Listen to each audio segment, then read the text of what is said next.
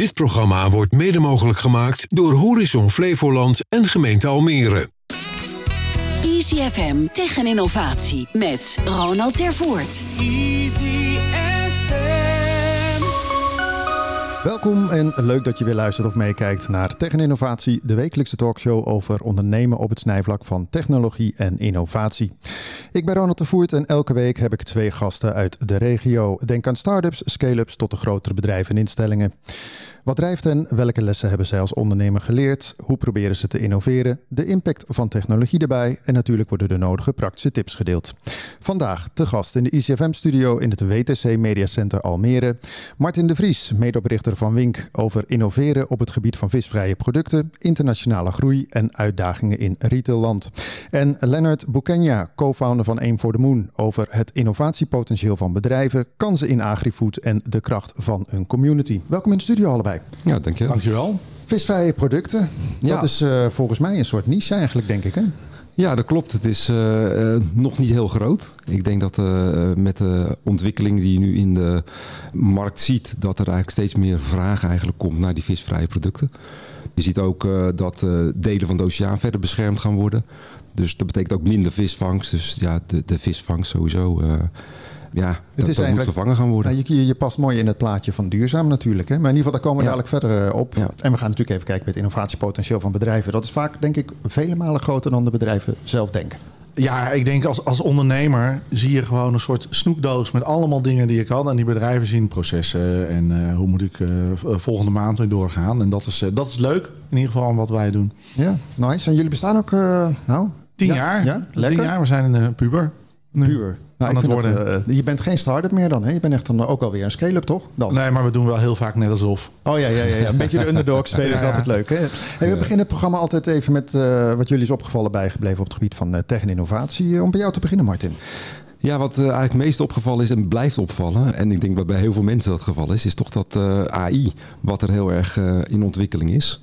En daardoor eigenlijk zien wij zelf dat we zelf heel veel meer dingen intern kunnen doen, in plaats van dat je heel vaak dingen uit moet besteden. Waar, waar heb je het over in jullie geval Eh, dan? nou ja, ChatGPT heb je natuurlijk eh, teksten wil schrijven of een stukje eh, informatie. En als je zelf moet gaan beginnen met schrijven, dan is het altijd heel moeilijk, ja, een moeilijke start. Terwijl als je zo'n ChatGPT gebruikt, dan heb je toch een bepaalde ja, eerste basis. Je moet natuurlijk wel aan sleutelen, want je moet wel je, je eigen maken.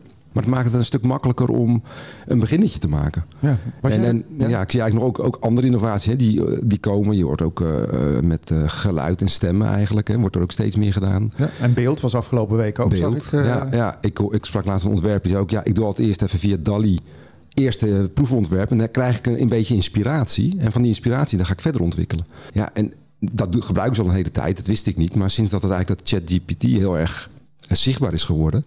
Ja, valt mij eigenlijk op van, oh ja... Je kan eigenlijk best wel veel zelf al doen. En dat is denk ik ook wel heel interessant voor start-ups. Want die kunnen eigenlijk... Ja, je hebt niet heel veel geld en kapitaal meer nodig... om even een beginnetje te maken. Dus ik hoop dat het eigenlijk heel veel innovatie weer verder aan, eh, aanwakkert. Ja, ik sprak van de week iemand die zei: eh, ik, ik gebruik wel heel weinig Google. Ik ga gewoon meteen naar ChatGPT. Ja. Ik zeg: Oh, wacht even, dat is ook weer een eh, volgende stap. Dat betekent iets voor het advertentiemodel van Google natuurlijk. Maar, eh, ja, ja. maar goed, was het voor jou een eh, soort van lightning eh, by hell the sky, zou ik maar zeggen, die hele ChatGPT? Of zeg je van nou, nee, dat sluimerde toch al lang? Nou, ik denk dat, dat de, de, de, de praktische toepassing daarvan opeens bij iedereen is binnenkomen vallen. En wat je dan ziet is dat er een soort wildgroei en iedereen wordt consultant in AI en dat is hartstikke mooi. Wat ik er heel mooi aan vind is dat het ervoor zorgt dat je als mens of als human race heel veel tijd kan besteden in dingen oplossen in plaats van dingen, alleen maar de dingen die je moet doen. En dat klinkt heel gek, maar dat zorgt ervoor dat we gewoon eh, nou, creatieve mensen veel creatiever kunnen worden. Maar dat je zelf ook creatief kan zijn zonder dat je kunt tekenen. En dat vind ik er heel mooi aan. En ik hoop dat dat dus ook dingen versnelt en dingen beter maakt. Maar zetten jullie het ook in zelf, intern? Nou, to- toevallig heeft een van mijn collega's eh, een, post geschreven. Die is designer over hoe die dat proces of hoe die AI gebruikt om, eh, om te designen. En wij zijn ook aan het kijken van hoe kun je dat eh, slimmer inzetten. Vooral, kijk, ik geloof heel erg in innovatie dat het helemaal niet gaat over nieuwe dingen bedenken, maar gewoon dingen die er zijn beter toepassen. Maar wat zijn die dingen dan allemaal? Wat is er allemaal? Nou, daar kun je dus AI heel goed voor, voor gebruiken. De andere kant is dat wij dingen doen die er nog niet zijn. Dus hoe kun je dat weergeven zodat het er al is? Dus ik heb laatst ook, eh, geloof ik, in een, eh, in een pitch of zo... een plaatje geplaatst van ja, zo gaat de wereld eruit zien als we succesvol zijn. En dan, dan begint het gewoon te leven. En dan, dan, dan, dan beginnen die creatieve cellen ook te werken bij mensen. Van, oh ja, zo ziet dat er. Hey, dat is eigenlijk best wel leuk. Laten we dat gaan doen. Mooi is dat inderdaad, hè? wat je ook zegt. Het is eigenlijk bij elkaar brengen wat er al is. En daar komt iets nieuws uit. Ja, ja, het is uiteindelijk gewoon een computer die ook gewoon dingen ergens vandaan haalt. Die bedenkt ze niet. Nee, klopt. Nou, even om bij jou te beginnen, Martin. Jij houdt ook een aantal dingen bij elkaar en maakt daar een product van. Hè? Ja. Maar eerst eventjes, want ik zei net even Wink. Dat staat voor eh, Wellness Innovations Incubator. Ja. Dat klinkt heel erg eh, catchy, zal ik maar zeggen. Maar wat ja, doen jullie? ja. ja wij, wij, wij proberen eigenlijk te kijken naar ja, wat je eigenlijk net aangaf, bestaande dingen beter maken. En eh, wat je heel vaak ziet is dat eh, er eh, routines in dingen zijn geslopen, waardoor mensen zeggen, ja dat gebruik ik eigenlijk altijd zo. Terwijl het helemaal eigenlijk niet de beste of efficiëntste manier is. Maar goed, we hebben het over visvrije producten. Hè? Dat is wat anders dan, denk ik, waar... Ja, tuurlijk, tuurlijk. Maar goed, je ziet wel dat die, dat die verandering. Hè, dus je, je, aan de ene kant kijk je dus naar de bron. Hè. Wij hebben gekeken naar omega-3. Mijn zakenpartner die, eh, is die ontwikkeling tegengekomen. Die is in die algenkweek terechtgekomen. En die kwam op een gegeven moment bij mij en die zei... wist jij dat omega-3 helemaal niet uit vis komt? Maar het komt officieel uit algen. En omdat de vissen het weer eten, zit het... Ja, ja, Ja, oké. de vis eten omega-3, die slaat op in zijn vette delen. Nou, wij gaan de zee opvangen, die vissen. Een kwart van de wereldwijde visvangst wordt gebruikt voor omega-3. Dat is een gigantische hoeveelheid. We hebben grote problemen met de oceaan en de visserij. En dat is helemaal niet nodig. Want hoeveel, want eh, eh, ik eet ook vaak een visje. Dan denk ik goed Ja. voor de omega-3. Eh, Ja. Ik moet zeggen, ik heb jouw eh, pillen natuurlijk eh, eh, ook eh, ondertussen in mijn repertoire zitten. Maar als je dan kijkt naar de vis, want ik dacht altijd dat is prima. Weet je, wel, je eet vis. Maar goed, er zit tegenwoordig ook al snel plastic, eh, Plastic eh, microplastics in. eh, ja. Maar eh, hoeveel van een vis is dan eh, omega-3? Is dat heel Er groot? zit, er zit maar 1% omega-3 in. Oh, dus ik hoef alleen maar de staart. eh, Ja, nou, zal, zal, zal, ja, het zit natuurlijk niet alleen in de, het zit Nee. in de organen en de vette delen van de vis. Maar als je een vis, het vette deel uit de vis haalt, is die ook niet meer eetbaar. Dus het is niet dat je een stukje kan gebruiken van die vis. Ja, en, en er is gewoon overvissing, hè? overbevissing. Je ziet gewoon heel veel. Ja, dan wordt er een vis gekozen, want die vis is veilig om te eten. Maar ja, als we met z'n allen diezelfde vis gaan eten en de wereldbevolking groeit, dat kan op een gegeven moment niet meer. Nee. En dan is eh, eten van vis is dan misschien nog één ding. Maar als je supplementen gaat slikken voor omega-3 voor je gezondheid. En in de tussentijd vernietig je de oceaan ermee. Ja, de oceaan is toch een van de grootste natuurgebieden en, en, en creaties eh, van, van, van zuurstof. Eh, ja, eh, daar wil je eigenlijk niet te veel eh, aan mormelen. maar jij zegt net, vissen eten algen. Ja, Maar hoe gaan jullie dat doen dan? Hoe kom jij dan weer aan deze omega-3? Ja, wij hebben een, een- een- goed. Er is eh, echt een research eh, onderzoek geweest naar eh, algen. Hè? Welke algen? Er zijn wel 20.000 soorten algen, dus niet elke alg produceert hetzelfde. En daar is uiteindelijk een alg uit de mangrovenbossen in Indonesië. Die hebben ze gevonden. Die produceert heel veel omega-3. Dat is een blinde alg. Die zit dus onder het bladerdek van de mangrovenbossen. En die is geselecteerd. En die kan je opkweken eigenlijk in fermentatietanken. En op die manier maak dus je omega-3 zonder dat je eigenlijk impact maakt op de natuur. Gewoon in een lab. In een lab, ja. ja. Maar die andere 19.999 soorten algen, wat de vissen ook eten, die zijn minder efficiënt of minder effectief? Nou, dat zijn andere soorten algen. Dus, dus de, eh, die groeien ook op andere plekken. Hè. Dus het ligt, er, het ligt er ook aan waar het groeit. Dus je hebt ook zoetwateralgen. Je hebt de blauwe alg. Dus eh, afhankelijk van... Hè, en, en sommige algen, ja, die nemen andere stoffen op dan andere. En je kan een alg ook weer manipuleren om... Hè, door selectie, om te zorgen dat die eigenlijk eh, meer van een bepaalde stof op kan nemen. Ja. Maar deze alg die is in ieder geval heel goed om te reproduceren in een kunstmatige omgeving. Ja, ja, ja. ja. Hey, maar, maar dan, hè, want jullie zitten zowel in Almere als in Amsterdam. ja. Doe je dat hier in Nederland dan? Mijn zakenpartner is zelf begonnen met de kweek van algen. Dat was destijds in Spanje. Dat was toen destijds nog omdat de afhankelijk welke alg je neemt, dat was op basis van licht. Dus dan heb je zonlicht nodig. Dus dan heb je een ander soort alg. Hè. Raceways heb je dan. Of je hebt tubes, zie je ook eigenlijk wel. Dat zijn eigenlijk eh, algen die eh, op lichtbasis groeien. Daar is eigenlijk begonnen. Daar was een alg, maar die zit nog steeds eigenlijk in de novel food omgeving. Dus dat betekent dat je die nog niet mag verkopen in Europa. Hoezo is dat giftig dan? Nee, dat is eigenlijk. Er is een wetgeving aangenomen dat als iets voor 1998 niet als voedsel is aangemeld geweest, moet je bewijzen dat het veilig is. Dat is een nieuwe wetgeving die gekomen is. Ja, maar die wist je al, eh Lennart, of niet? Nee, ik denk dat ik heel veel dingen heb gegeten die niet veilig zijn. ja, toch? Ja. Maar, maar goed, maar waar, waar, waar doe je dat dan, die, die fermentatie? Nou, wij hebben verschillende bedrijven. Wij, wij besteden dat uit. Dus hè, er zijn, eh, eh, wij hebben één bedrijf in Engeland die fermenteert voor ons. We hebben een bedrijf in Amerika die fermenteert voor ons. En dat hangt af welke actieve stoffen uit die alg willen hebben. De ene heeft een patent, dus die, die kan echt alleen maar die bepaalde stof, de, de EPA, uit die alg halen. Die zit in Amerika. Die heeft gewoon patent voor Europa en Amerika. Dus daar kan je niet anders dan bij die fermentatieclub terecht. Eh, en de andere algen is, eh, kan je eigenlijk wereldwijd laten telen. En, daar uiteindelijk- zit een grote partij in Engeland die daar eh, sterk in is. Uiteindelijk heb ik eh, van die capsules besteld. Bij Ja. jullie online komen we daar Ja. wel even op. Ja, prima. Weet je, die, die slikken goed weg. Jullie hebben ook olies, eh, zag ik. Ja. Eh, wa- waarom heb je die twee smaken? Eh, nou ja, goed. capsule is eigenlijk het meest gebruikte. Hè? Het is makkelijk om een capsule te nemen. De olie is eigenlijk meer voor kinderen. Hè? Kinderen hebben toch wel last met een grote capsule te slikken. Wat je ziet bij ontwikkeling. kijk, omega-3 is eigenlijk goed voor je hersenen en voor je ogen. Dat is de DHA die in omega-3 zit. En als er EPA bij zit, is het weer goed voor je hart. En wat je ziet, dat kinderen die zich ontwikkelen... Ja, die, die, die, die, moeten, ja, die hersenen moeten zich ontwikkelen. Die, die synapsen moeten allemaal nog aange- aangekoppeld worden. En met omega-3 zie je dat eigenlijk daar gewoon veel meer rust in komt. Dus omega-3 werd ook wel gebruikt voor ADHD. eh, voor kinderen die, die hyperactief zijn. Maar ook gewoon voor de ontwikkeling van de hersenen. Maar als je kijkt naar omega-3, hè, heel veel mensen die slikken supplementen, zal ik maar zeggen. Maar eh, want ik ben er ook even ingedoken natuurlijk. Ja. Eigenlijk is omega-3 een soort van basis. Slik je supplementen, Leonard? Eh, nee, Oké, ja, ik ben 50 geworden, ik ben nu oud. maar goed, dan, eh, dan krijg je dat soort dingen. ik zit er niet ver vanaf hoor. Oh, nog, eh, nog drie, vier jaar. Oh, oké. Nee, maar als je erin duikt, dan heb je iets van... wauw, dit is eigenlijk gewoon een hele basale stof... die iedereen eigenlijk moet hebben in zijn lijf... en al snel tekort heeft. Ja, het is een essentieel vetzuur. Hè? Dus je kan het eh, eigenlijk alleen maar krijgen door het eten van omega-3-rijke producten. Dus dat is vaak vette vis. Ja, of ze stoppen het in een eh, potje boter of zo, weet je. Dat heeft natuurlijk Ja, ook dat is toegevoegd hè, in de eieren. Dan krijg je, maar goed, er wordt heel veel vis voor gebruikt. Terwijl ja, als het een supplement is, ja, is dat echt overbodig om, om eigenlijk daar de vis voor te gebruiken. Jullie verkopen het online, zag ik. Je kunt ook een abonnement andere, nemen. ja. Vond ik wel Ja. heel mooi dat je abonnement kan Ja. nemen. Er zit ook flink korting op. Maar precies waar jij waarschijnlijk naartoe wil. eh, Retail zag ik ook. Toen dacht ik, nou, die prijzen liggen nog wel uit elkaar. Want bij jullie krijg ik een eh, korting omdat ik een abonnement neem. Ja. Eh, de- hoe, hoe kijken ze daar uit retailland naar? Nou ja, kijk, wij- wij, zijn destijds begonnen met een online merk. Dus eh, dat was echt een online product wat we verkochten. En op een gegeven moment werd daar eigenlijk, zat er zoveel tractie op dat de retailers naar ons toe kwamen en zeiden, dat willen wij ook. Alleen ja, wij hebben geen rekening gehouden met de marges die een retailer ook wil hebben. Wij houden rekening met onze eigen marge. Dus wij zijn toen gaan kijken, ja, hoe gaan we dat dan doen? Nou, dat ging niet via hetzelfde merk, want dan moet je eigenlijk al je prijzen gaan verhogen. En ja, wij hebben eigenlijk een doel dat die visolie vervangen wordt. Dus wij willen juist zo laag mogelijk in prijs zitten.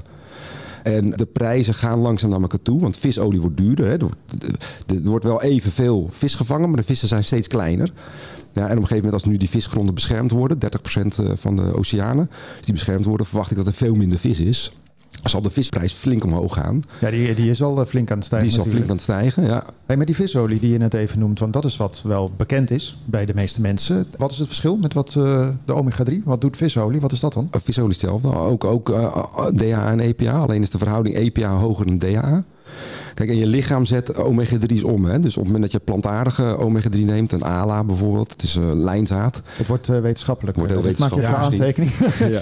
Maar, maar dit zet, dat zet je lichaam om naar DHA en uiteindelijk wordt DHA omgezet naar EPA.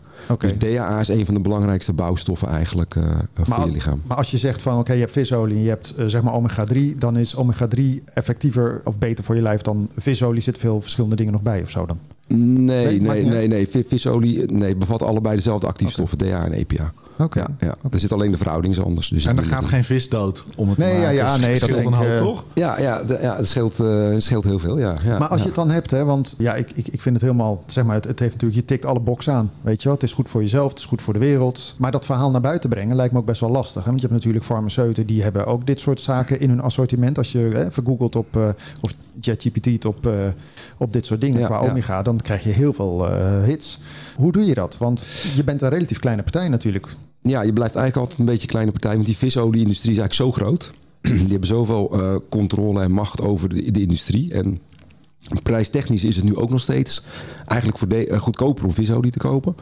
Dus daar zit je altijd met een heel groot dilemma van hoe ga je dat aan een consument vertellen. Dus je moet je verhaal gaan vertellen. Maar intussen ja, zijn er ook partijen die zeggen... oh ja, eh, jij vraagt, wij draaien. Dus wij krijgen ook concurrenten die in de visolie zitten. En die zeggen, oh, blijkbaar is er iemand die algolie wil. Nou, dan pakken we er ook bij. Dus je zit altijd een beetje met een strijd. Terwijl wij ons heel erg focussen op één product en het verhaal moeten vertellen. Ik denk ook, hè, als ik het verhaal nu toen destijds aan jou vertelde, toen zei je ook, dat wist ik niet. Nou, ik denk dat je ook denkt, nou, dat wist ik eigenlijk helemaal niet. Want je staat er helemaal niet bij stil. Want je denkt gewoon, ik heb, ik heb wel eens gehad dat ik iemand sprak en die vroeg, wat doe jij? Ik zeg, nou, ik zit in de, in de algolie, ik zit in de omega-3. Oh, dat ken ik niet. Ik zeg, neem maar geen supplementen wel. Jawel, jawel, visolie. Weet je, mensen hebben die koppeling helemaal niet. Wat is visolie, wat is algolie? In de retail, in de ethos, in de, in de Holland Barrett. Als je daar in de winkel gaat kijken, dan is de categorie niet omega-3, maar die is visolie. Dus de, Oh, de categorie lekker. klopt al helemaal niet. Hè, dat moet een omega-3 categorie zijn. Oh, maar dat is, eh, ja, dat is wel even een dingetje. Maar Maar, goed, mag ik jou wat vragen? Ja. Want wat ik wel interessant vind is dat het eigenlijk heb je een heel ander productieproces, andere technologieën om dat te doen. En wa- waar zie jij opportunities, even los dat nu visolie heel dominant is, van hey, omdat je het anders doet, kun je het sneller, beter, eh, efficiënter, mooier eh, Ja. eh, voor elkaar krijgen. Misschien nu moeilijk, maar in de toekomst.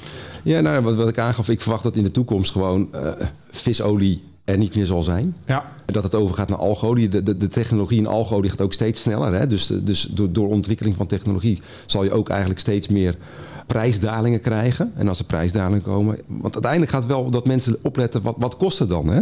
Ja. Dus het, het mag wel iets kosten. Maar het mag niet te veel kosten. En, en, en dat snap ik ook, hè? want je hebt ook een bepaald budget. Je moet ook ergens mee rondkomen. Dus je, ja, je wil eigenlijk zorgen dat eigenlijk de capaciteit van algeolie groeit. Dus wij zijn heel erg bezig om juist die volumes te gaan creëren. En ook concurrenten van ons, hè? want we zijn niet de enige op deze, deze wereld die dit maakt.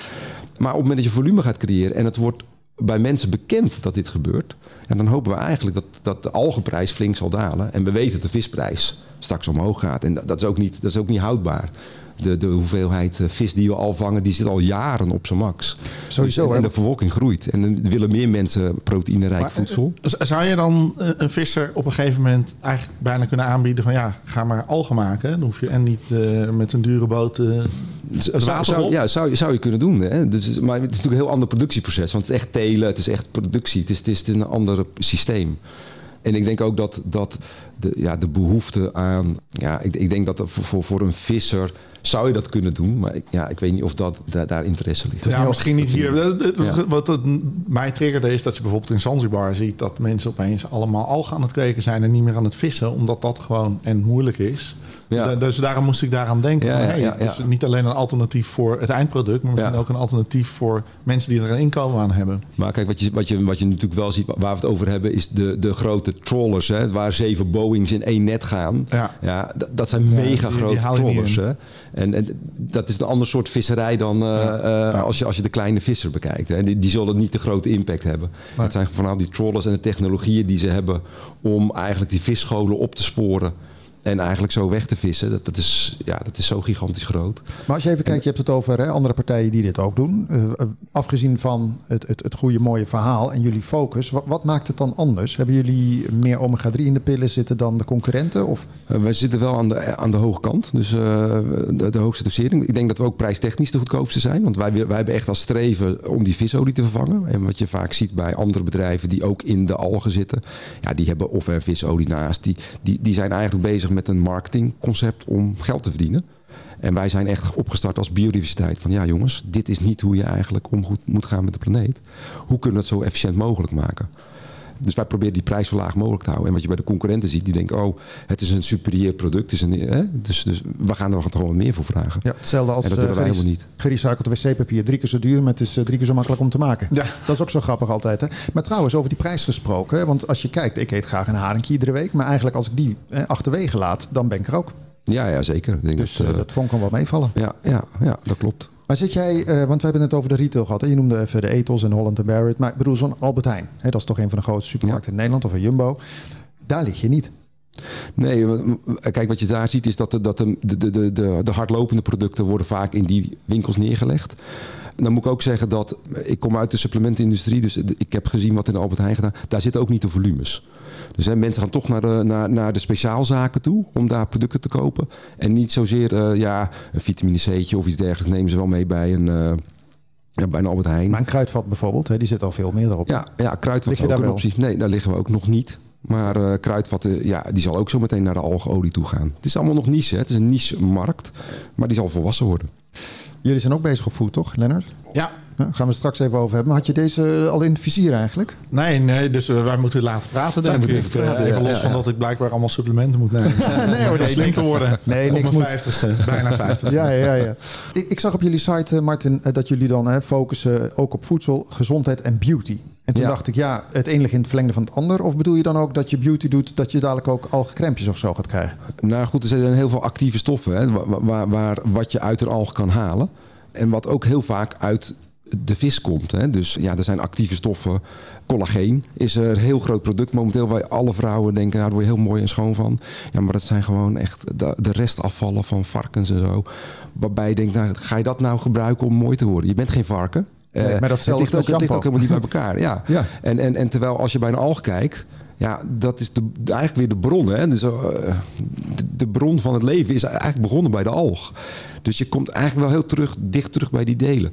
En, en daar zijn we aan het kijken van, ja, welke zijn nou mogelijkheden waar wij kunnen uitbreiden op eh, productassortimenten om gewoon producten die dus uit de oceaan, waar dus eigenlijk de biodiversiteit door verstoord wordt, dat we die kunnen vervangen met producten die gewoon uit een alg komen.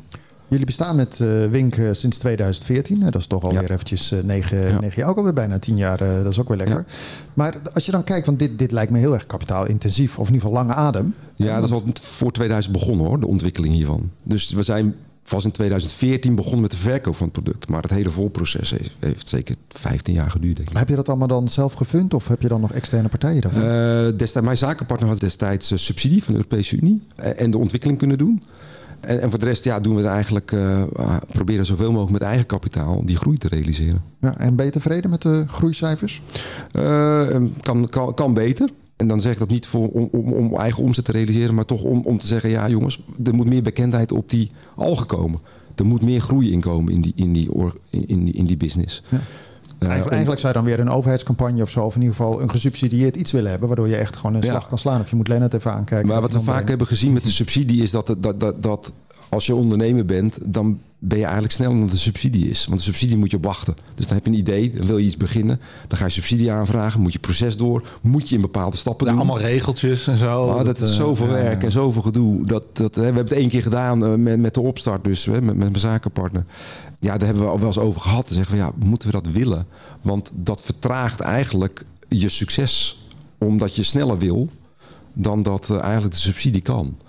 Misschien is voor het begintraject goed geweest, want dan heb je nog geen product. Je hoeft, nu niet naar, mar- je hoeft niet naar de markt toe. Dus dan ben je echt aan het ontwikkelen.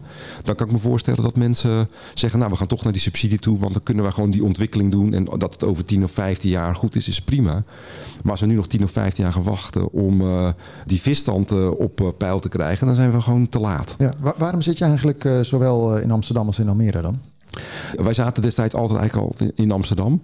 Op een gegeven moment werd het groot. Logistiek eh, ging dat niet. Wij zaten op de Prins Hendrikkade vlak voor het Centraal Station. En dan kwam er een vrachtwagen lossen. En dan moesten we met tien man eh Het is wel mooie marketing, dozen- hè? Zo'n wagen voor de deur met je logo erop. Dan Ja, ja was, ons logo stond er alleen niet op Oh ja. natuurlijk. was de transporteur eh, ingehuurd. En, en- maar goed, dan was je dus met heel veel mensen bezig. En dat was allemaal gedoe. En eh, moest een pallet opgehaald worden. En dan regende. Er stond er een pallet buiten. Dat was heel inefficiënt. Hebben we gezegd, nou, we gaan naar Almere toe. Er woonden hier toen wat mensen. Hebben op twee locaties gewerkt. Maar toen waren we toch iets te klein. Vonden we niet echt fijn werken.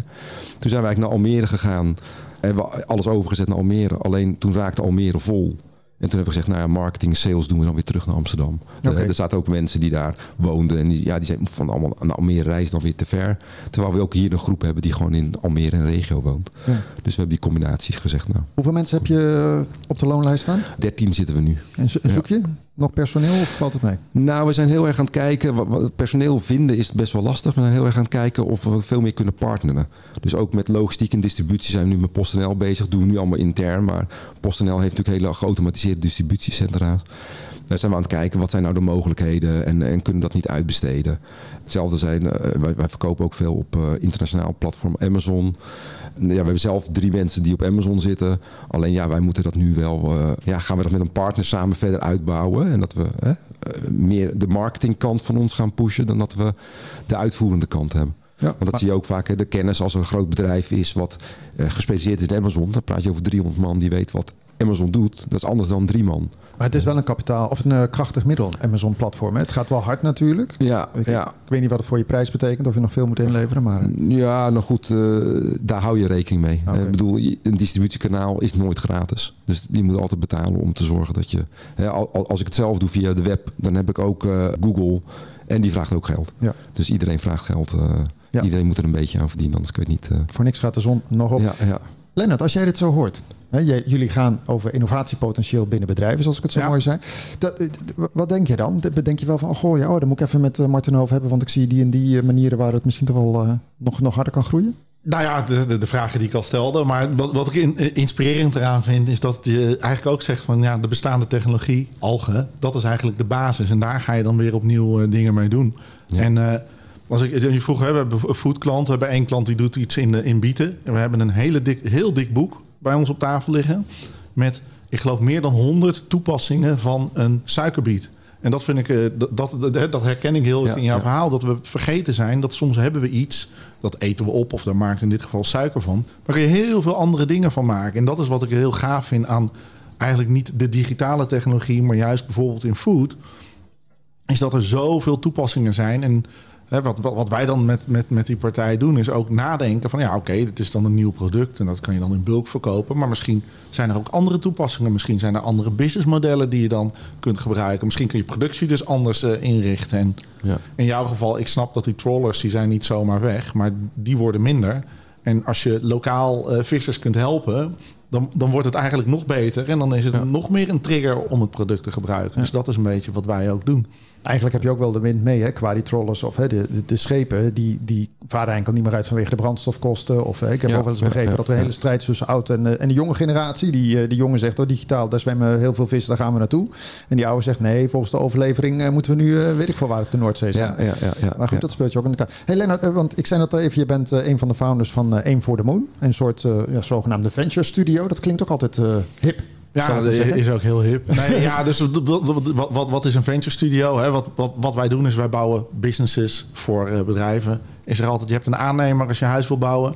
Als je een nieuwe business wil bouwen, zijn wij een, eh, een nieuw soort aannemer. Maar dat doen jullie, want ik zag online staan hè, voor partijen als de HEMA of Pon Automobiel, ABN AMRO Booking, maar ook Sinons. Die heb ik ook hier gehad. Hè. Dat Ja. is dus eh, recycling, noem ik het maar even, maar dan duurzaam. Ja. Hè, dat je als bedrijf, eh, ken je dat eigenlijk Martin? Dat je als Nou bedrijf... ja, we, gewoon hadden het net over. eh, een van de oprichters van Sinons is een oud eh, zakenpartner van Oh, mij. tuurlijk. Dus, Jullie, jullie kennen kleine, elkaar kleine wereld. Nee, wij kennen elkaar niet. De wereld maar, is, de wereld is weer veel te klein. achter. Ja, ja. Hey, maar wat is vaak de trigger dan, eh Lennart, dat bedrijven jullie vragen? Want ik kan me voorstellen dat heel veel bedrijven innovatiepotentieel hebben, maar dat de meesten het of niet zien of denken we doen het zelf wel. Want daarom is die potentieel natuurlijk nog. Wat is de trigger vaak? Nou, ik denk dat de trigger vaak is gewoon een behoefte om, om sneller te groeien of om nieuwe opportunities te vinden. En dat het best wel moeilijk is als je zelf in dat bedrijf zit. Je zit in alle processen. Je hebt eh, heel veel kennis van alles wat niet kan. En dat het helpt om gewoon op een andere manier te kijken naar wat is er nou mogelijk. Wat kan ik nou op een net iets andere manier doen. En soms ook buiten het bedrijf. Dus als je kijkt naar wat we doen, zijn er dingen die, die hè, dat, dat zijn echt ventures.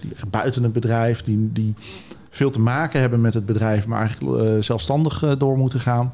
En ook heel veel dingen die gewoon in het bedrijf gebeuren. Maar ja, in de dagdagelijkse bezigheden worden die niet snel genoeg opgepakt. Dus dat is wat we doen en dat is waar wij energie van krijgen. Dus we zijn niet minder van hè, de processen verbeteren en, eh, en dingen slimmer doen. Maar wij, wij zijn ja, ondernemers. Dus wij willen gewoon nieuwe businesses bouwen. En wat ik al zei, een bedrijf is een groot bedrijf. Ik heb bij grote bedrijven gewerkt en ik zag het altijd als een soort van speeltuin van allerlei faciliteiten waar je gewoon op, eh, op Champions League niveau toegang hebt tot dingen. En als ondernemer denk je van nou, dan zou ik dat kunnen doen, dan zou ik dat kunnen bouwen. En eh, ja, dat is wat we doen. Het is heel grappig wat wat je nu eigenlijk zegt. Want wij zijn natuurlijk een innovatief bedrijf. Maar uiteindelijk moet je wel een bedrijf runnen. Dus je kan niet alleen maar met innovatie bezig zijn. Dus je ziet dat ook afhankelijk van hè, welke taken je moet doen. Je bent ook met de dagelijkse romslom bezig. Je moet ook je accountancy werken. En, je moet ook je hè, inkoop want en je anders kun je die innovatie regelen. niet, niet Nee. financieren. Dus Ja. dat is een beetje de spagaat waar heel veel bedrijven in zitten. Van ja, we willen wel. En het, soms is het niet eens dat je het niet kan. Maar ja, je hebt de headspace niet. Je hebt dan het team niet. Eh, innovatie, daar gaan ook heel veel dingen niet goed. Dus daar moet je heel anders naar kijken. Dus dat is ook een deel van wat we doen. Bedrijven helpen. Van ja, je moet er wel iets anders naar kijken. Want als je er elke keer naar kijkt. Je bent een bedrijf van, eh, van een miljard. Een innovatie van 1 miljoen is niets. Dus hoe, hoe moet je daar naar kijken? Hoe, hoe gaat dat groter worden? Want ja, eigenlijk als je ergens aan een knopje draait, heb je ook die miljoen gevonden. Maar begin jij dan bijvoorbeeld vaak op directieniveau? Of zeg je, nou, dat maakt me niet uit, we krijgen gewoon de vraag, kun je meedenken en we gaan aan tafel zitten en dan starten we het proces? Ja, dus ik denk dat de, de thema's waar we aan werken zijn vaak thema's die op directieniveau gedragen worden of gestart worden. Hè. Dus het gaat over de strategie van een bedrijf, het gaat over de toekomst van een bedrijf. Waar gaan we naartoe? En dan zitten er hiaten in van hé, hey, wat zijn we nu en waar willen we zijn? En eh, ja, dan begint zeg maar voor ons de briefing van oké, wat wil je? En die kan heel specifiek zijn van ja, uh, ga hier aan werken. Maar die kunnen ook wat breder zijn. Dus uh, we hebben voor, nou ja, voor, voor, voor, voor PON ging het over van ja, hoe kun je elektrisch rijden compromisloos maken voor de bereider. Nou, dat is een heel breed begrip. En daar, daar is uiteindelijk Revolt uitgekomen, wat, wat eigenlijk bedrijven helpt om hun wagenpark te elektrificeren door het leveren van laadpalen op een nieuw businessmodel. Want er zitten wat uitdagingen in. Betekent dus dat we ook zijn gaan kijken van ja, we gaan niet de hele markt veranderen. Waar zit het grootste probleem? Waar, zit, uh, uh, waar kun je het snelste iets, uh, iets bereiken? En zijn met een nieuw businessmodel gekomen rondom die laadpalen, zodat die bedrijven niet hoeven te investeren, zodat er ook een soort van terugverdiencapaciteit in zit. En het mooie daarin is dat dat is nu een laadpaal. Maar in alle discussies rondom de energietransitie en het verzwaren van het netwerk kan daar ook een batterij aan gehangen worden. En dan kan je opeens uh, de energie die je opwekt wel opslaan zonder dat je een investering doet in, uh, in je netwerk. Maar je, je noemt nu even PON, automobiel, of in ieder geval ja. PON, dus daar, daar, valt gigantisch veel onder. Voor mij is dat ja, want dit was PON nog. Power and Energy, wat hier in Almere zit. Oké. Okay. Dus, dus dat... Uh, maar ik bedoel, dat is al aan zich een, een redelijk uh, innovatieve club, zal ik maar zeggen. Maar ik kan me ook voorstellen dat partijen kansen hebben en dat jullie aanschuiven. En dat je, wat je net zegt, strategie, of je raakt echt de core. Ja. Dat mensen zoiets hebben, hartstikke leuk uh, Lennart of collega dat je hier bent. Maar uh, dit gaat me iets te ver. Hè? Want de ondernemer is toch wel trots of eigenheid. Kom je dat vaak tegen? Of? Ja, dus ik denk dat het, dat het vooral lastig is met, met de, de, interne organisatie. Hè. Die hebben niet altijd de reflex van hey, iets nieuws doen. Dus wat je, we doen best wel veel dingen voor B2B-partijen. en dan zie je van dat het salesapparaat bijvoorbeeld helemaal niet ingericht is om dat nieuwe product op de markt te zetten. Want het is best wel een uitdaging om iets in kleine volumes te doen. Of dat je heel veel moet uitleggen. Terwijl je gewoon gewend bent van joh, dit is mijn menukaart. Koop het maar. Dus dat, de, de, de innovatie is echt een businessmodel innovatie. Dus niet alleen maar het technische product wat je gaat innoveren. Maar ook hoe ga ik het naar de markt brengen? Wat heb ik aan productie nodig? Wat doe ik zelf? Wat doe ik niet zelf? Nou, dat zijn bedrijven ook niet gewend. Nee, je gaat Zeker grote bedrijven die willen heel veel zelf doen. Terwijl je juist heel slim kunt kijken van hoe ga ik dat uh, niet zelf doen. Dus met een van onze klanten gaan we dat dus ook verkennen van hey, het duurt voor jullie heel lang. Maar als wij al, eh, misschien kunnen we een andere manier vinden, zodat je nu wel al uh, die business kunt opzetten. Als je, als je naar zo'n pond kijkt, hè, waarbij zo'n laadpaal en, en zeggen met, met een batterij gekoppeld. Want ik zie ook die technologieën dat die batterijen met nieuwe technologie komen. Ook met zeewier zijn ze bezig. Kan je die ook al gelijk koppelen? Zit er dan, probeer je dan eigenlijk uh, veel breder te kijken naar alleen die specifieke oplossing, die laadpaal, maar ook de technologie erachter om uh, ja, dus, te verduurzamen? Ja, dus dat is weer, en dan gaat, dus ga ik toch weer het, het businessmodel zeggen, is van het businessmodel is niet de fysieke laadpaal met de technologie van deze tijd. Het gaat erom dat je eigenlijk een soort netwerk gaat opbouwen, waardoor jij kunt wisselen. Want wij, we weten allemaal niet waar het precies naartoe gaat met de energietransitie. En dat maakt het dus heel moeilijk voor bedrijven om te investeren. Want die zeggen, ja, ik ga dit nu doen. En dan later wordt het dat. Dus het hele idee erachter is van, ja, je hebt een netwerk. En omdat het niet meer eigendom is van het bedrijf waar het staat... maar een bedrijf die erop zit, om het even zo te zeggen... Ja, ja. Uh, kun je ook veel makkelijker wisselen met welke technologie uh, er komt. Even terug naar food. Want uh, ja. aan het begin hadden we het er even kort over. Je net vertelde het een en ander. Als er één gebied in Nederland is waar food, nee, agri-food ontwikkelingen uh, zijn, dan is het hier in Flevoland. Dus dan komt even de vraag, uh, hoe, hoeveel gaan jullie hierin doen? Want hè, we horen natuurlijk aan de ene kant omega-3 is het al het een en ander te, te doen. wat zijn de plannen? Dat is natuurlijk afhankelijk van wat onze klanten doen. Maar wat, wat we gewoon zien is dat er heel veel. Wat ik mooi vind aan food is dat je hebt, de, je hebt de keten van het eindproduct. Maar als ik kijk waar ik heel erg blij van word, is alle technologische ontwikkelingen aan het ontwikkelen van producten. Aan het begin van de keten. Als je Horty Heroes, dat zit, eh, dat zit ergens in het Westland. Als je ziet wat daar allemaal voor technologieën ontwikkeld worden om dingen op maat te produceren, om eh, dingen met andere output, om dingen met minder input te produceren ja, dat, is, dat is een opportunity voor, voor, nou, voor, voor een regio als hier. Ik denk dat het niet per se, als je aan food denkt, denkt iedereen aan het eindproduct. Maar ik denk dat alle de challenges zitten aan het produceren daarvan. Net wat je zegt rondom vis. Het is niet dat het visje niet lekker is of niet goed voor je is. Maar hoe die vis tot ons komt, dat is niet, dat is niet heel goed. En het lastige is dat die, de, de, de, de retailpartijen die verdienen daar best wel veel geld aan. Eh, Terwijl de mensen die het moeten produceren, daar zitten wel heel veel de uitdagingen met uitstoot en dat soort dingen. Dus de, daar innoveren en daar andere modellen voor vinden, zodat die partijen ook echt de waarde van het eindproduct krijgen. Dat, ja, daar word ik wel heel vrolijk van. Ja, wat ik, wat ik wel vaak ook mis een beetje is dat de grote partijen waar het verkocht wordt, dus eigenlijk zeggen ja, maar de klant vraagt en dat bieden we aan. Terwijl als, als die wat meer effort zouden zetten in van hé hey jongens, let op, dit zouden, hier zouden we naartoe moeten. Hè, dat daar wat meer aandacht aan zou komen. Ik denk dat dat de innovatie nog sneller zou gaan. en ik denk dat je als Nederland dat best wel zou kunnen doen. Ja, ik denk dat ze dat, dat, dat ze dat gewoon heel moeilijk vinden. En dat het, eh, nou, dat het met initiatieven zoals dat van jullie... en ik hoop ook met partijen zoals wij... ze helpen van, hé, hey, maar misschien moet je anders, anders naar, je, naar jouw businessmodel kijken. Hè? Als, je, als je meer over de langdurigheid van je businessmodel kijkt. Het kan niet zijn dat je een roofmodel hebt... en dat je alleen maar producten gebruikt die Ja. opraken. Want dan raakt jouw business ook op. Ja. Maar dat is best wel een ding inderdaad. Hè? Dat je dus in één keer heel anders moet gaan kijken naar je eigen business. Ik bedoel, dat is wel even omdenken, maar dat, dat Ja. is eh, toch wel... Hey, want, eh, net zei je ook even van, hè, we komen dan binnen en we gaan met eh, bedrijven aan de slag. We hadden het net even over dat Sinons ook. Eh, Volgens mij is dat uit jullie eigen koker ontstaan. Ja, dat, is dus, eh, dat team is bij ons gestart. Oké, maar eh, hoe werkt dat voor jullie qua businessmodel dan? Ja, dus wat bedrijven doen is die, eh, die huren ons gewoon in. We zijn een, eh, een consultancybedrijf en eh, die geven ons een opdracht van... joh, kan jullie ons, kunnen jullie ons daarmee helpen? En dan gaan we met hun aan de slag. En dan gaan we vooral ook met hun eigen team aan de slag... om te kijken van, hey, wat, wat zijn opportunities? Wat, wat zien we in de markt? Wat zijn problemen die opgelost dienen te worden? En op basis daarvan gaan we dan met een, met een proces en een stappenplan valideren. Dus gewoon heel snel testen, heel snel uitproberen of iets werkt. En je kunt tegenwoordig, en daar is dan eh, AI heel interessant in... heel veel doen alsof iets bestaat voordat het bestaat. En dat is wel het omdenken wat heel veel bedrijven moeilijk vinden. Want die denken van ja, pas als het er is, dan bestaat het. Terwijl tegenwoordig hoeft het er niet zijn voordat het bestaat. Zelfs foodproducten. Ik kan gewoon, nou ja, je hebt online eh, dingen verkocht. Ik kan het gewoon online verkopen en dan zeggen sorry, het is er niet. Maar dan weet ik wel of mensen überhaupt er interesse in hebben. Ja. Heb jij trouwens interesse ook uit eh, de buitenlanden, Martin? Ja, wij verkopen internationaal. Zijn we eigenlijk ook zo begonnen. Hè. Wij zijn begonnen met. eh, ik kom zelf uit de productie van voedingssupplementen. En dan zag ik eigenlijk dat eh, de grote merken hadden een heel breed assortiment. En toen kwam eh, Guido, mijn zakenpartner, die kwam bij mij langs en die zei: Ja, Guido, maak één product.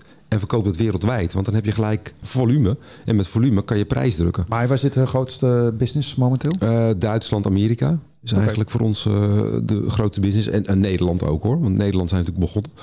Maar in Amerika is waarschijnlijk het hele supplementenverhaal gewoon al een paar fases verder. vegan of vegetarisch of plantaardig nog niet. Je ziet eh, eigenlijk wel heel veel vegan proteïnen in Amerika die succesvol zijn. We zijn ik ben toevallig twee weken geleden was ik in Amerika. En, en, en dan kijk je ook in de winkels. Hè. Dan gaan we kijken hoe ziet het er nu uit. En dan zie je toch eigenlijk niks op plant-based of vegan. Wij hebben hier mooie kaartjes erbij dat, dat mensen die keuze kunnen maken. En dat zie je daar eigenlijk helemaal niet. Maar je ziet wel eigenlijk dus die proteïnes in plantaardig. En dat komt dat mensen gewoon slecht reageren op eh wijproteïne. Dat ze daar last van krijgen van een huid of darmen of iets dergelijks. Waardoor dat plantaardige wel er is. Dus dat plantaardige moet nog echt nog ontwikkeld worden, ook in dit buitenland. Ik zag trouwens, eh, Lennart, dat jullie ook gebruik maken van een community. Ja, Wat, wat is daar de doel van? Want ik kan me voorstellen dat je allerlei mensen iets kan vragen. Of zijn het mensen die participeren, een soort van eh, funders, een soort van angels? Nou, kijk, uit- uiteindelijk als je kijkt, we zijn een bedrijf van ongeveer 20 man. En eh, ik, eh, we werken dus voor een, een bedrijf in de food, een bedrijf in de, in de logistiek, een bedrijf in de aannemerij. Ja, daar hebben wij niet altijd alle kennis van. Dus je hebt de community nodig om, eh, om specifieke kennis binnen te halen. Om eigenlijk flexibel te zijn als een adem, ademend organisme. Van hey, dit hebben we nu nodig, dat hebben we nu nodig. Even los van dat het heel leuk en gezellig is om een community Maar te wat hebben. voor mensen zitten daarin dan? Nou, er zitten eh, ondernemers en experts in. Dat zijn eigenlijk de, de- de twee categorieën. Dus mensen die heel goed in iets zijn, iets heel goed snappen. Bijvoorbeeld rondom voedseltechnologie. Rondom omega-3? Nou, ook, wie, weet, hè? Wie weet. Als Hoeveel die, mensen die erin vra- zitten dan? Ja, we hebben er nu geloof ik tegen de duizend eh, Oh. in zitten. Die zijn niet, eh, daar hebben we niet elke dag eh, contact mee. Maar er zijn zeker een paar honderd. We hadden, we hadden laatst ons tienjarig bestaan. Daar waren er een hoop op ons feestje. best fors. En allemaal Ja. uit Nederland of, of ook internationaal? Voornamelijk uit Nederland. Oké, Ja. wel cool. Maar dat is, dat is echt wel een bron van, van kennis voor jullie. Het is een bron van kennis. Het is ook gewoon echt een resource. Want je, je kunt niet, en dat, dat zit een beetje in onze filosofie, je kunt niet problemen in je eentje oplossen. Dat, dat, dat, er is geen bedrijf die alles weet. Zelfs eh, de, de, de grootste consultancies niet. Het gaat er juist om van hoe kun je zo organiseren dat je flexibel en snel dingen kunt doen. En dat is, dat is wat we doen. Snel dingen doen. En dat kan niet doordat ik eerst een studie moet doen voordat ik iets weet. Nee. Wat, ik, wat je ook natuurlijk ziet is dat, dat, dat mensen met innovatie bezig zijn. Die zijn natuurlijk voornamelijk ook met innovatie bezig omdat ze de maatschappij beter willen maken. Of, of eh, duurzaamheid of met een bepaald reden iets doen. En dan is die samenwerking natuurlijk snel gemaakt. Als iemand naar mij toe komt, ik ben nu bezig met een, een kassenbouwer. Die zegt, ja, ik wil iets nieuws maken. Dan ga ik met hem meedenken. Zeg, nou oké, ik weet heel veel over de foodindustrie. Ik weet eh, over, de, over de voedingssupplementindustrie.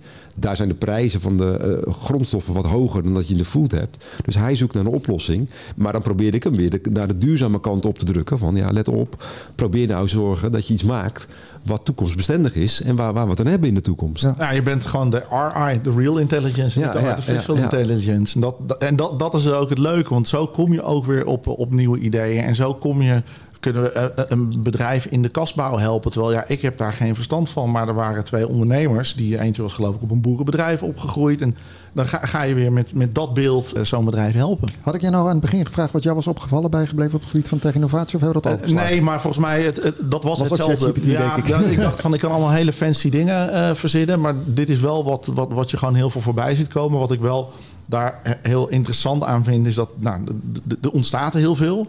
Eh, en heel veel discussie over, oh, er worden allemaal dingen vervangen. Terwijl wat ik zie, is dat het gewoon nog meer creativiteit gaat brengen. Omdat je gewoon nog meer mensen een bijdrage kunnen leveren aan dingen waar ze misschien niet eens zo heel goed in zijn. Maar door, eh, door AI eh, daar een stapje in kunnen zetten.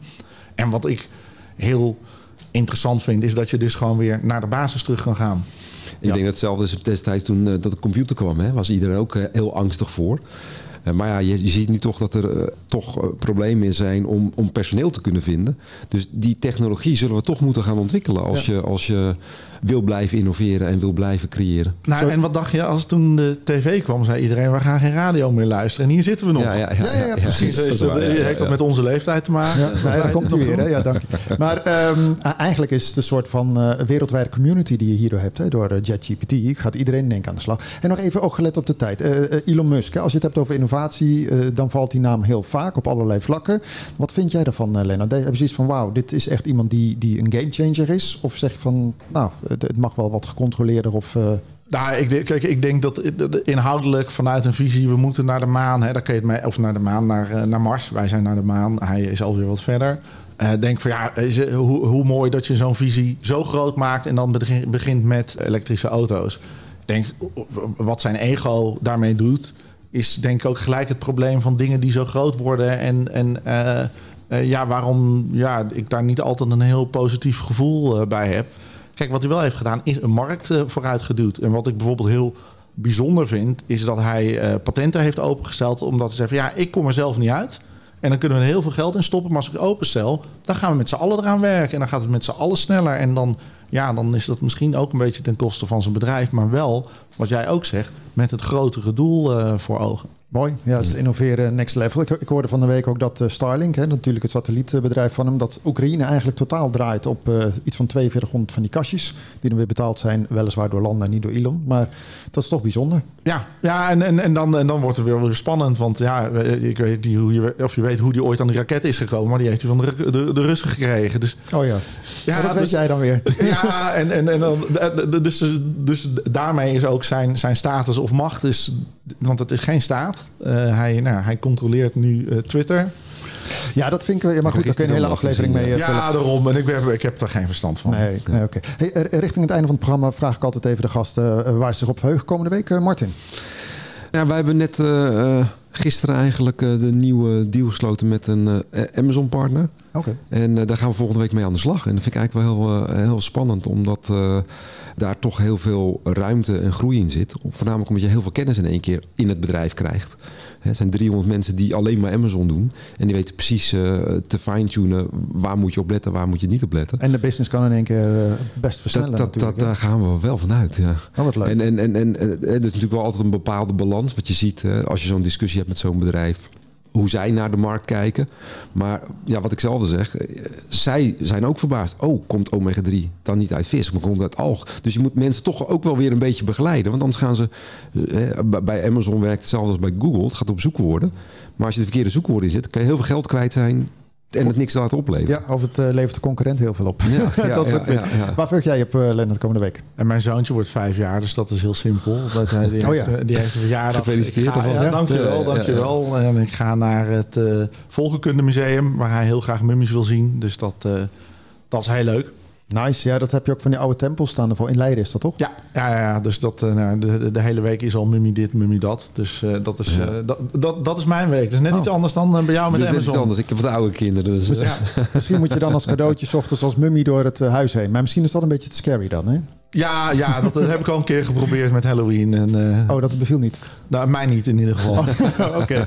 Hartelijk dank eh, voor jullie komst uit de studio. Martin de Vries, medeoprichter van Wink. En eh Lennart Boekenya, eh, co-founder van eh Eén voor de Moon. Hartelijk dank voor het prettige gesprek en alle insights. Ja, Ik zou zo nog een hele tijd eh, door kunnen gaan. Maar goed, er is altijd een eindpunt eh, voordat we het nieuws inlopen. Jij bedankt eh, voor het luisteren en wel te kijken naar deze aflevering. Wil je eerdere afleveringen bekijken of luisteren? Dat kan natuurlijk op de verschillende streamingsdiensten. Dan wel via de app van EasyFM. Een hele fijne Graag tot de volgende keer. Dit programma werd mede mogelijk gemaakt door Horizon Flevoland en gemeente Almere.